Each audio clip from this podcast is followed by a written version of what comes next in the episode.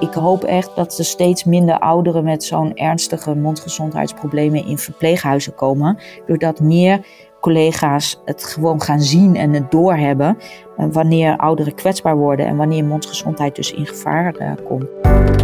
Je luistert naar NTVT Dentalk, de podcast van het Nederlands tijdschrift voor tandheelkunde. We gaan hier in gesprek met belangrijke experts, interessante onderzoekers en boeiende ervaringsdeskundigen. En misschien wel met jou. De presentaties in handen van tandarts en adjunct hoofdredacteur Maurits de Kuiper. Op dit moment is 20% van de Nederlandse bevolking 65 jaar of ouder. En is de schatting dat zo'n 65% van de 75-plussers gedeeltelijk eigen tanden en kiezen heeft.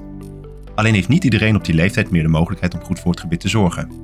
Problemen in de mond worden dan ook regelmatig gezien bij kwetsbare ouderen. Maar de stap naar de tandarts wordt vaak niet meer gemaakt, of de algemene gezondheid staat de tandkundige zorg in de weg. Een veel voorkomend probleem met deze kwetsbare ouderen is de wortelrest. Wat doe je met een wortelrest bij zo'n kwetsbare ouderen en hoe neem je de beslissing? Deze vraag staat centraal in het artikel Wel of niet wortelresten verwijderen bij kwetsbare ouderen in het NTVT van januari. Vandaag gaan we daarover in gesprek met een van de auteurs, professor Anita Visser, hoogleraar gerontologie aan het Universitair Medisch Centrum Groningen en het Radboud UMC. Ze studeerde af in 1996 in Nijmegen, waarna ze het werken in de algemene praktijk afwisselde met de zorg bij de afdeling MKA-chirurgie in Groningen. Als standaard maxillofaciale prothetiek had ze een focus op de oligodontie. In 2009 is ze gepromoveerd op de zorg rondom de prothese op implantaten en in 2019 werd ze benoemd tot hoogleraar gerodontologie aan de Rijksuniversiteit Groningen. Anita, van harte welkom. Ja. Je hebt denk ik alle patiëntencategorieën wel eens een beetje gezien. Het begon met de jonge patiënt met te weinig tanden. Tijdens je promotie ging het over de oudere patiënt zonder tanden, maar dan wel met implantaten. En nu ligt je focus op de ouderen met het eigen gebit. Kun je ons eens meenemen en vertellen hoe die liefde voor de geriatrische tandkunde is ontstaan? Ja, die voorliefde voor die geriatrie. Uh, Um, ik ben iemand die eigenlijk wel alles leuk vindt. En uh, ik, ik heb gewoon uh, met heel veel plezier uh, werk ik in tandheelkunde en met alle categorieën patiënten. Maar ik heb wel in die bijzondere tandheelkunde, waar ik eigenlijk gelijk na mijn afstuderen al terecht kwam, ben ik veel in aanraking gekomen met ouderen en met name ja, de ouderen in de oncologie. En dan moest ik veel protheses maken. En zo kwam ik dus veel met ouderen in aanraking. Want in die algemene praktijk had je toen eigenlijk heel weinig ouderen. Want die ouderen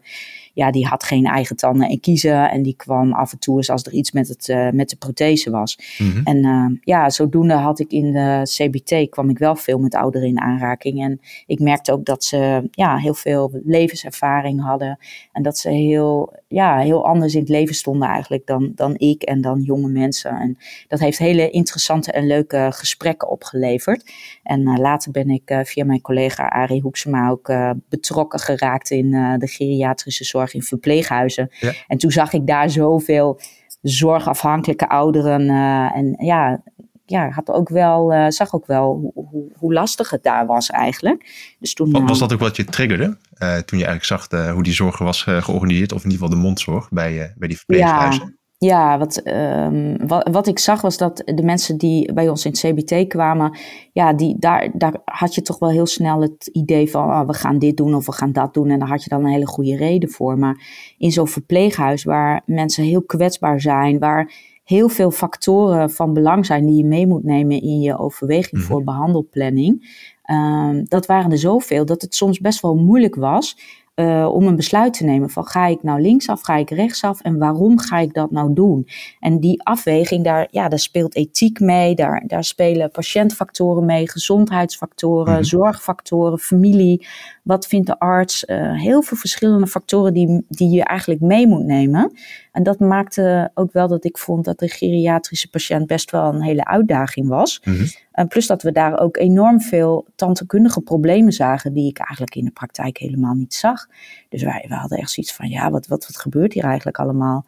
Ja, en dan ga je onderzoek doen en dan ga je in de literatuur duiken en dan zie je dat er in de literatuur eigenlijk heel weinig te zien is. Ja, en dan is de stap naar onderzoek. Laat, laat, laat ja. ik dit onderzoeksgebied verder, uh, ja. verder tot wasdom brengen. Ja, hey, en, uh, hè, want je had het al over wat factoren die een rol spelen. Daar gaan we het straks ook nog uitgebreid over hebben. Maar laten we eerst nog een stapje terug doen hè, over die kwetsbare ouderen. Kun je ja. uh, ons meenemen in het begrip kwetsbaarheid? Hè? Wat, wat is dat nou? En um, hoe kun je dat misschien in de praktijk herkennen? Ja, nou, de kwetsbaarheid is eigenlijk een heel moeilijk begrip. Er zijn ook heel veel artsen die zeggen van ja, je kan het eigenlijk niet over echt specifiek over kwetsbaarheid hebben. Maar uh, waar het eigenlijk op neerkomt is, is iemand een kaartenhuis of niet? Dat wil zeggen, een kaartenhuis kan heel stevig staan, maar er hoeft echt maar een zuchtje wind te komen en dan stort zo'n kaartenhuis in of een kleine trilling. En dat is eigenlijk ook een beetje wat je ziet met ouderen. Hè? Ze, ze, ze komen bij je in de praktijk, ze lopen nog redelijk, ze praten redelijk met je. Dus dus je hebt eigenlijk soms helemaal niet het idee dat iemand heel kwetsbaar is. Maar op het moment dat mensen toch veel medicijnen gebruiken, slecht kunnen lopen, eh, vaak vallen, ehm, slecht zien, slecht horen, ehm, psychosociale problemen hebben, dat ze eenzaam zijn, ehm, dat ze ja, wat, wat uh, dementieachtige klachten krijgen, ja, dan, dan wordt het toch wel heel lastig voor die mensen om goed voor zichzelf te zorgen. Mhm. Eh, en dat betekent dan ook dat op dat moment mondgezondheid in gevaar komt, maar ook, ook de zelfzorg en de, de eigen ja, de, de eigen gezondheid. Uh, en, dat, en dat is eigenlijk een beetje kwetsbaarheid. Hè? Dus het speelt zich af op, op drie domeinen. Fysieke domein van ja, wat kun je eigenlijk nog? Hoe ziek ben je? Mm ja, hoe sta je er cognitief voor? Hè? Ben je al een beetje dementerend of niet? En eh, ja, hoe gaat het psychosociaal? Ben je eenzaam? Want je kan nog zo gezond zijn en hard eh, rond kunnen rennen. Maar als je heel eenzaam bent, of je hebt je partner verloren, of je hebt heel veel verdriet in het leven, ja, dan, mhm. dan wordt het leven ook wel heel ingewikkeld. En um, ja, dat zijn toch wel mensen die een risico hebben om snel achteruit te gaan in hun gezondheid. Ja, ik denk dat het ook wel uh, herkenbaar is. Hè. In de algemene praktijk is uh, de, de, wat oudere patiënten hebben, waarbij je eigenlijk al een aantal jaren ziet dat de mondgezondheid eigenlijk uh, top was. En op een gegeven moment zie je er toch wat achteruitgang in optreden. ik weet ook nog wel zelf een, uh, een, een, patiënt, ik was toen net afgestudeerd, ben toen ook bij Arie Hoeksma gaan werken. En ik had een, een oudere meneer onder behandeling, waar ik toch wel even op mijn neus ben gegaan. hij had niet zo heel veel tanden en kiezen meer. Die waren ook niet meer zo in al te beste staat. En ja, het was toch in mijn ogen wel echt ehm, tijd voor de immuniaatprothese. Nou, zo gezegd, zo gedaan. Uh, maar die patiënt die kon er totaal niet aan uh, wennen. En toen uh, heb ik Arie er maar weer eventjes bij gevraagd van, hey, kun, kun, je me eens helpen? En nou, het bleek uiteindelijk dat die patiënt eigenlijk al echt hartstikke dement aan het worden was. En het was eigenlijk nog een wonder dat hij hier naar de praktijk was gekomen met een auto. Mm -hmm. um, maar dat stukje herkennen van kwetsbaarheid en ook wat voor gevolgen dat heeft um, voor jou als zorgverlener en ook op het succes van je behandeling. Um, kun je daar nog eens ons wat tips in geven? Want ik denk dat dat wel herkenbaar is voor de algemeen practicus of misschien wel de mondhygiënist uh, ons ja. wat had van te geven. Hoe kun je die kwetsbaarheid nou eigenlijk herkennen? Er is een hele goede vragenlijst uh, daarvoor. Mm. Dat is de Groningen Frailty Indicator. Die is uh, gratis en makkelijk te downloaden van het internet. Er zijn heel veel kwetsbaarheidslijsten, maar ik vind de Groningen Frailty Indicator, dat is een vrij korte lijst die je al vrij snel inzicht geeft in die kwetsbaarheid. Want als mensen op uh, vier of meer vragen ja antwoorden, dan weet je al dat ze kwetsbaar zijn. Um, en die lijst gebruiken we ook in het onderwijs. En ik merk ook dat het studenten uh, handvatten geeft om uh, die kwetsbaarheid te leren inzien. En bovendien geeft die vragenlijst, als je die afneemt uh, en, je, en je praat daarover met mensen, geeft het al mhm. toch wel gespreksonderwerpen over waar nou eigenlijk de knelpunten zitten. He, zitten knelpunten in lopen, in naar de praktijk komen, in goed voor jezelf zorgen. Mm in medicatie. Want als mensen veel medicijnen gebruiken, weet je ook al dat er hele grote kans is op, mond, uh, op een droge mond. Droge mond geeft weer extra risico op karies. Dus dat is dan weer van belang voor mensen die eigen tanden en kiezen uh, hebben. Uh, dus die, die, zo'n vragenlijst, uh, die helpt je wel heel erg om inzicht te geven. Wat voor ehm, maatregelen zou je dan aanraden om te nemen? Is dat gewoon, zit dat met name in preventie? Hè? Dus heb het met zo'n patiënt erover om misschien eh, elke drie maanden naar de mondhygiënist te gaan? Of benader je ook nog uh, de omgeving rondom zo'n patiënt hè, als het gaat om een probleem mobiliteit? -hmm. Ja, nou, je, je kan een aantal maatregelen nemen. Ten eerste is het natuurlijk altijd goed als je je bewust bent dat mensen kwetsbaar zijn, om dingen toch eens een keer opnieuw goed vast te gaan leggen. Hè, dus bijvoorbeeld, je hebt iemand al jaren in de praktijk en het gaat eigenlijk altijd heel goed. Uh, dan, uh, dan heb je niet zo snel de neiging om weer röntgenfoto's te maken. Maar mijn advies is als je ziet dat mensen kwetsbaar worden en je hebt al een tijdje geen röntgenbeelden meer gemaakt, maak gewoon even weer een keer röntgenbeelden. Want je schrikt soms gewoon wat je daarop uh, op ziet. en ja, als mensen slechte mondhygiëne krijgen, ja, probeer daar dan ook uh, oog voor te hebben dat er dus een groter risico is op caries of, of uh, gingivitis. Dus dat daar aanvullende maatregelen opgenomen worden. Wij schrijven vaak um, de, de, de 5000 ppm tandpasta voor. Mm en we laten mensen dan toch wat vaker terugkomen om toch een, een oogje in het zeil te houden. Of we kunnen aanvullende maatregelen nemen, bijvoorbeeld met de chlorhexidine waardoor ja. uh, de kans op caries uh, gewoon een stuk afneemt of uh, de kans op, op gingivitis wat, wat minder wordt. En natuurlijk, wat je net ook al zei, hè, die, die gang naar de tandarts. Ja, kun je mensen helpen om te komen? Want sommige mensen lukt het gewoon niet meer om te komen. En als je dan met de mantelzorgers even overlegt of gaat bijvoorbeeld tips geven hoe ze makkelijker naar de praktijk kunnen komen, helpen met bijvoorbeeld taxivervoer regelen of helpen met ja, openbaar vervoer. Misschien als mensen heel dichtbij zijn of bijwonen, dat je daar even langs kan gaan. Dat zijn allemaal dingen die het makkelijker maken voor die mensen om toch die, die zorg op orde te houden. Mm -hmm. want dit zijn natuurlijk op het moment dat je signaleert dat zo'n patiënt kwetsbaarder is. Hè, dus die, die Groninger Frailty Index zou je daarbij kunnen helpen. Ja.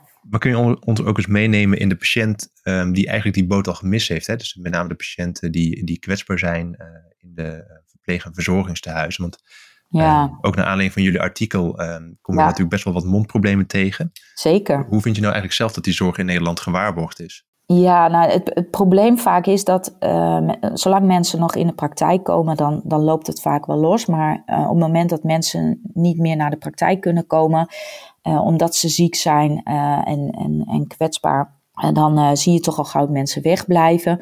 Dat er minder oog is voor uh, mondgezondheid. dat die zelfzorg afneemt. Ja, en dan gaat die mondgezondheid wel heel snel achteruit. Dan zie je toch wel gauw wortelkaries ontstaan. Waardoor mm -hmm. uh, elementen afbreken. Ja, en als één of twee elementen afgebroken zijn. Ja, dan wordt de de krachtenpatroon op andere elementen wordt groter. Dus dan breken er vaak nog meer elementen af. En wat we heel vaak zien is als mensen in het verpleeghuis komen, en dat is dan toch vaak dat mensen al een tijdje weer uit zorg geweest zijn, dat er dan dus heel veel best wel ernstige mondgezondheidsproblemen zijn. Dus dat er toch wel veel karies is, veel afgebroken elementen, mobiliteit, uh, ja, diepe pockets, uh, ja, veel tandsteen. Dus dat, uh, ja, dan, dan is die zorg wel in, enorm achtergebleven en zijn er dus enorm veel problemen ontstaan. En dat interfereert weer met hun gezondheid, want mm -hmm. ja, dan is er dus pijn, dan zijn er kouproblemen, uh, dan ruiken mensen uit de mond of uh, ja, ze hebben uh, problemen met, met ja, het hele, het hele orale functie. Het slikken gaat soms niet goed meer. Soms is er schimmel, zijn er schimmelinfecties. Dus dan in één keer sta je met 10-0 achter en zie je dat er in één keer heel veel problemen zijn. Ja, dus dat, dat is dan wel heel schrijnend, vind ik. Uh, want, want, dan, ja, dan heb je vaak ook geen andere keuze meer dan rigoureus te saneren. Dat is dan toch vaak wel saneren met, een, met de tang. Wat mm. ik wel, wel heel sneu vind. Maar ja, veel keuze heb je dan vaak niet. En die mensen die kunnen niet. Ja, die kunnen, daar, daar heb je vaak niet heel veel mogelijkheden meer om iets anders te doen. Omdat of de elementen al zover zo slecht zijn. Of omdat mensen bijvoorbeeld niet meer meewerken um, hè, of niet meer kunnen wennen aan dingen. Ja. Uh, ja. En hè, want, je, want je had het al over saneren met de tangen. En dan uh, wil ik het bruggetje maken naar het artikel. Uh, ja. Want, het is natuurlijk altijd een, een ehm, afweging van wanneer ga je nog behandelen. Uiteindelijk, ehm, zeker in die laatste levensfase, iemand wordt fragielig. Ja. weegt de behandeling dan nog op tegen nou ja, de kwaal die er misschien mee veroorzaakt? En, en, dat lijkt me een enorm lastige besluit die je uh, het liefst met de patiënt nemen. Dat soms kan de patiënt dat zelf ook niet meer, hè, qua, qua wilsbekwaamheid. Ja. Um, en ik denk dat dat ook wel, zeker voor de algemene practicus, best wel een ding is als je te maken hebt met een uh, patiënt met dementie, die eigenlijk zelf niet meer goed um, de zorg kan overzien. Um, heb, heb je daar nog eens tips voor? Of kun je ons eens uitleggen hoe, hoe die besluitvorming nou eigenlijk gaat rondom zo'n patiënt met dementie? Ja, rondom zo'n patiënt met dementie is altijd wel ingewikkeld, want die mensen kunnen zelf niet meer beslissen. Het betekent dus ook dat er voor hun beslist moet worden. Nou, dan heb je dus te maken met de wet zorg en dwang. Uh, als, je, je mag niet zomaar iets voor mensen beslissen, uh, zeker niet als ze dement zijn. Ehm, dus dat betekent dat er heel veel uh, anderen bij uh, komen kijken. Dus je moet dat overleggen met de, de zorg rondom zo'n patiënt. Dat betekent dat de arts uh, daarbij betrokken is, de verpleging, maar ook de wettelijke vertegenwoordiger. En, en, die heeft een hele belangrijke rol, want de wettelijke vertegenwoordiger is uiteindelijk degene die een toestemming moet geven of je wel of iets niet gaat doen en je wil natuurlijk voor die ouderen het allerbeste, want we hebben de eet afgelegd. We hebben beloofd dat we heel goed voor mensen zorgen.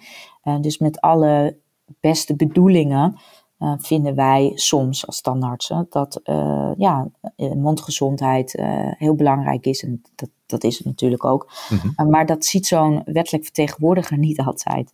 En die, die denkt toch wel vaak van, jeetje, uh, god, die tandarts die wil uh, wortelresten verwijderen bijvoorbeeld. Want uh, de, tan de, tandarts zegt van ja, en de, er is kans op infectie, er is kans op pijn, er is kans op een absces. Nou, iemand met een dementie kan ook niet makkelijk pijn aangeven. Dus dat is ook wel een dingetje. Want ja, ik heb ook toch wel vaak schrijnende gevallen gezien van mensen die niet meer eten die, die mhm. agressief gedrag vertonen. Uh, waarbij je dan uh, toch best wel veel pijnlijke wortelresten in de mond ziet. En als je dat ja, omdat, ze zich niet meer goed kunnen uiten. Ze kunnen zich niet meer uiten. Dus ze uiten zich net als baby's en hele kleine kinderen feitelijk in, in ja, agressief gedrag. Uh, of terugtrekken of schreeuwen. Of nou ja, er zijn allerlei uitingen van pijn uh, behalve dan het zeggen van, ja joh, ik heb last van, uh, van pijn.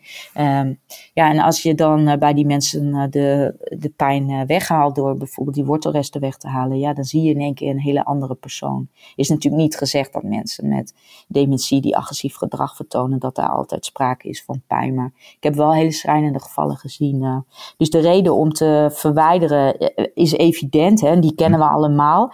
Uh, maar ja, we, we, zullen toch ook uh, in overleg moeten met die, met die verte wettelijk vertegenwoordiger. Want, want je geeft inderdaad aan van, hey, ik denk dat we allemaal wel herkennen welke wortelrest eruit moet. Maar er zijn ja. Ehm, ook op basis van je artikel misschien wat, wat tips die je kunt geven over wortelresten waarbij je ehm, de beslissing kunt uitstellen. Kun je daar eens wat over zeggen? Over, over de wortelrest. Hè? Wat is nou de wortelrest? En wanneer wil je hem wel, wanneer wil je hem nou eruit halen en wanneer laat je hem erin?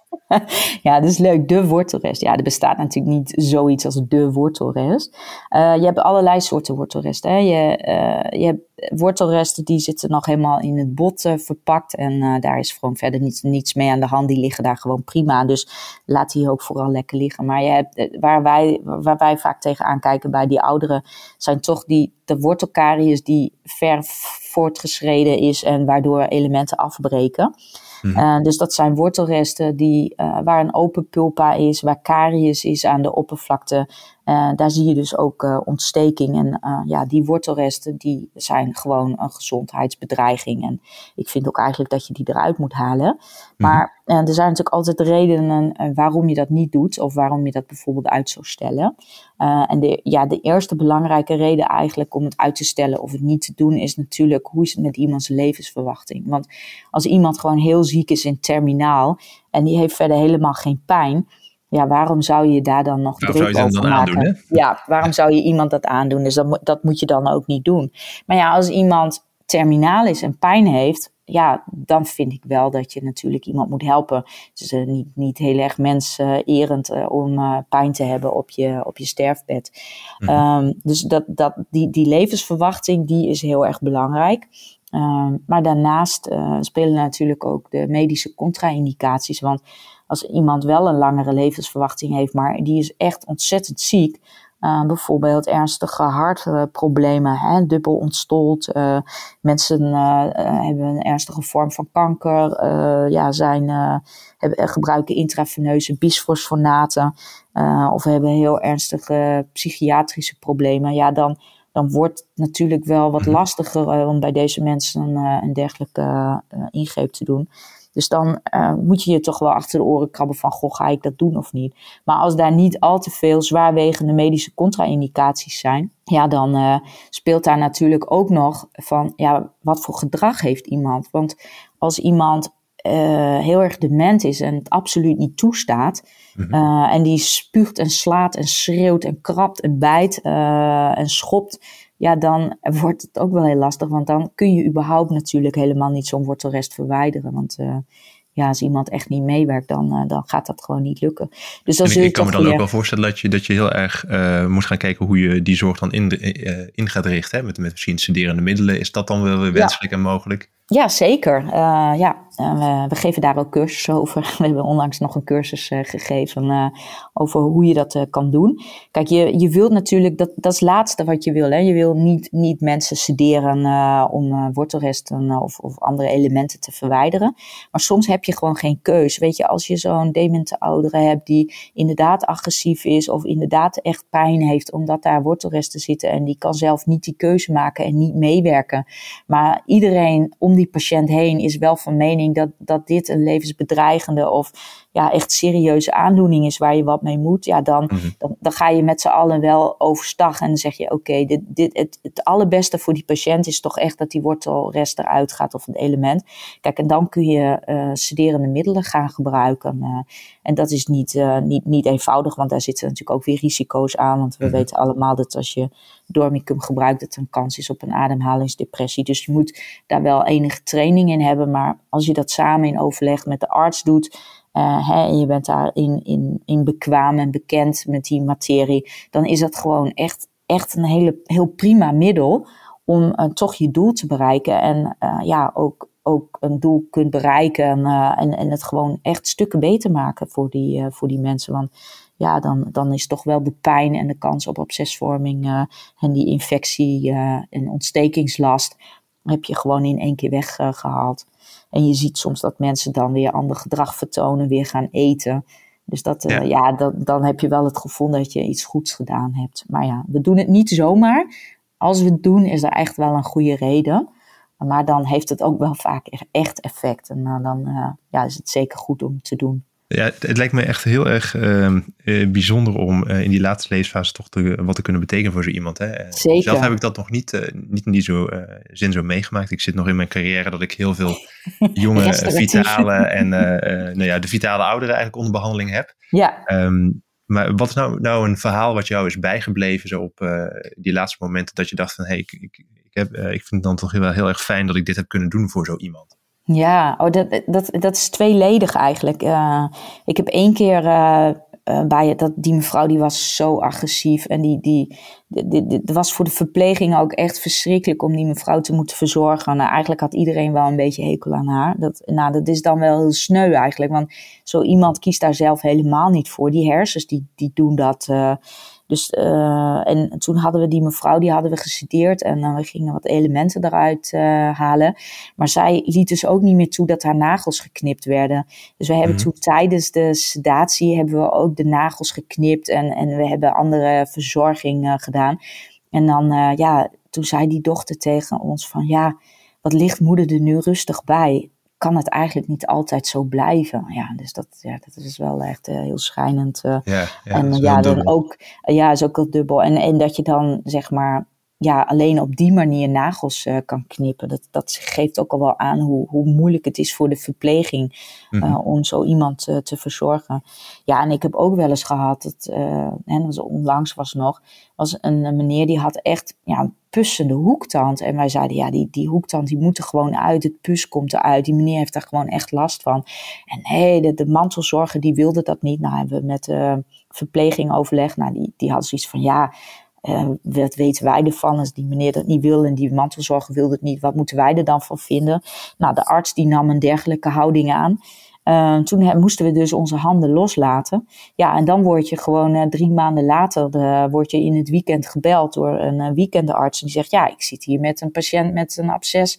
En ik, ik, zie hier gewoon een, een, een, een, hoektand waarvan ik denk van, waarom zit hij nog in de kaak? Nou, als een arts ziet dat er echt iets niet loos, echt, echt iets, iets loos is, dan, uh, dan is er ook echt iets loos. Want heel veel artsen uh, zijn toch niet geoefend in het uh, kijken in de mond. Dus ja, dan moet je toch wel zeggen van ja, sorry, we hadden het veel eerder al willen verwijderen. en dat iemand nu zoveel pijn heeft, ja, dat komt eigenlijk omdat een mantelzorger dus kennelijk bij wet mogelijkheden heeft om, om dit soort zorg tegen te houden. Dus dan is het het woord van de mantelzorg of de, ja, de wettelijk vertegenwoordiger tegenover de arts en de tandarts. Tegenover jou als je zorgverlener. En dat, dat lijkt me ook wel heel erg lastig om dat goed vast te leggen. En ja, uiteindelijk is de patiënt er de dupe van, hè? ja, uiteindelijk is de patiënt de dupe, want die heeft dus wel al die tijd met pijn rondgelopen. En die zit dus nu in het weekend met een dikke kin. dus ja, nou ja, gelukkig was het niet al te ver weg en kon ik daar naartoe en heb ik alsnog dat element eruit gehaald. Maar ja, ik vind het wel een hele vervelende situatie uh, die ik heel graag had willen voorkomen. Ja. Uh, en, en daarom denk ik ook uh, ja, dat het zo leuk, zo goed is dat we nu ja, wat handvatten kunnen geven aan collega's. Van ja, zit je met een dilemma over van ga ik nu wel of niet zo'n wortelrest verwijderen? Waar loop ik dan tegenaan en hoe pak ik dat op? Mhm. Uh, en, en ik, hoop dat, ja, ik hoop dat we mensen op deze manier een beetje handvatten kunnen geven. Want zoiets als de wortelrest, die bestaat dus niet. Je kan niet zeggen, ja, alle wortelresten eruit. Ja, maar uh, ja, uh, we hebben dan wel, wel wat meer mogelijkheden. Hey, en, ehm, want je noemt al de, de handvatten. Kijk, in, je, in het artikel van jullie vakgroep hebben jullie een hele mooie beslisboom gemaakt. Hè, wanneer je nou een wortelrest wel of niet eruit zou halen. Welke overwegingen je meeneemt. Dus ja. Um, voor de luisteraars die eh, graag daar wat meer informatie over willen, wacht nog even af uh, totdat de januari-editie uh, in de bus verschijnt. Dan kunnen jullie dat allemaal uh, nazoeken. Het kan ook online op ntvt.nl. Um, ehm, dan wil ik eigenlijk een beetje afsluiten um, met de toekomst. Want we, we, hebben, je hebt ons meegenomen in jouw geschiedenis, jouw achtergrond. ook over de huidige staat van de mondzorg voor die oudere mensen. Hoe zie je eigenlijk de toekomst? Hè? Want je bent hoogleraar in Groningen en in Nijmegen. Ja. Wat hoop jij uh, uiteindelijk uh, te bereiken uh, binnen jouw studentonderwijs en ook wat de studenten uiteindelijk meenemen straks in hun werkzame leven? Nou, wat, wat ik heel erg hoop is dat we, nou, we.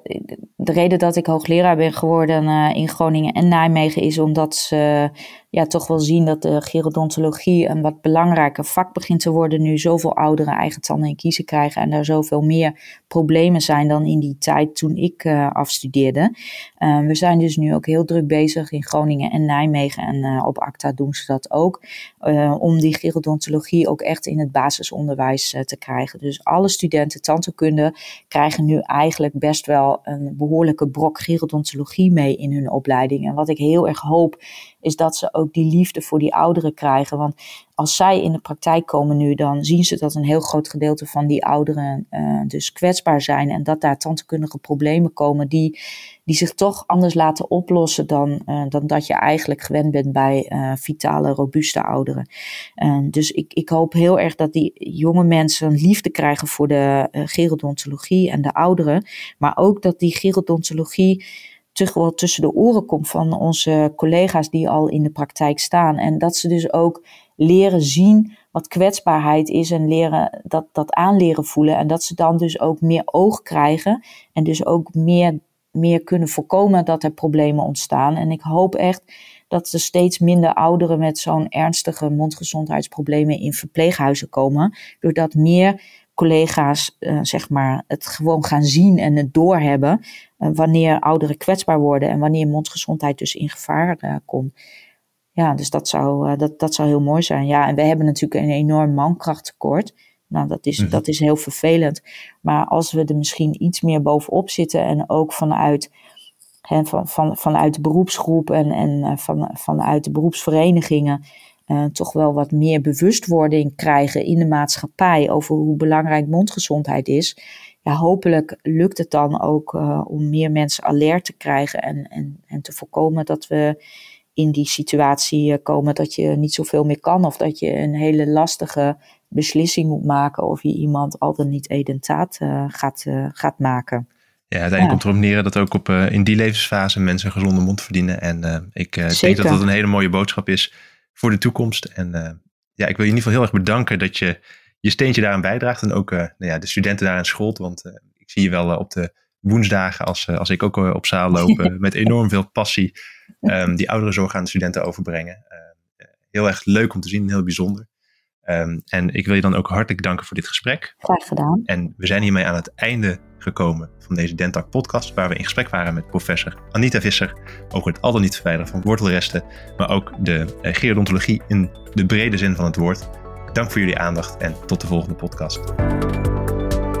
Dit was NTVT Dentalk, de podcast van het Nederlands tijdschrift voor tandheelkunde. Heb je tips of leuke vragen voor ons? Laat het ons weten via redactie.ntvt.nl. Bedankt voor het luisteren en graag tot de volgende keer.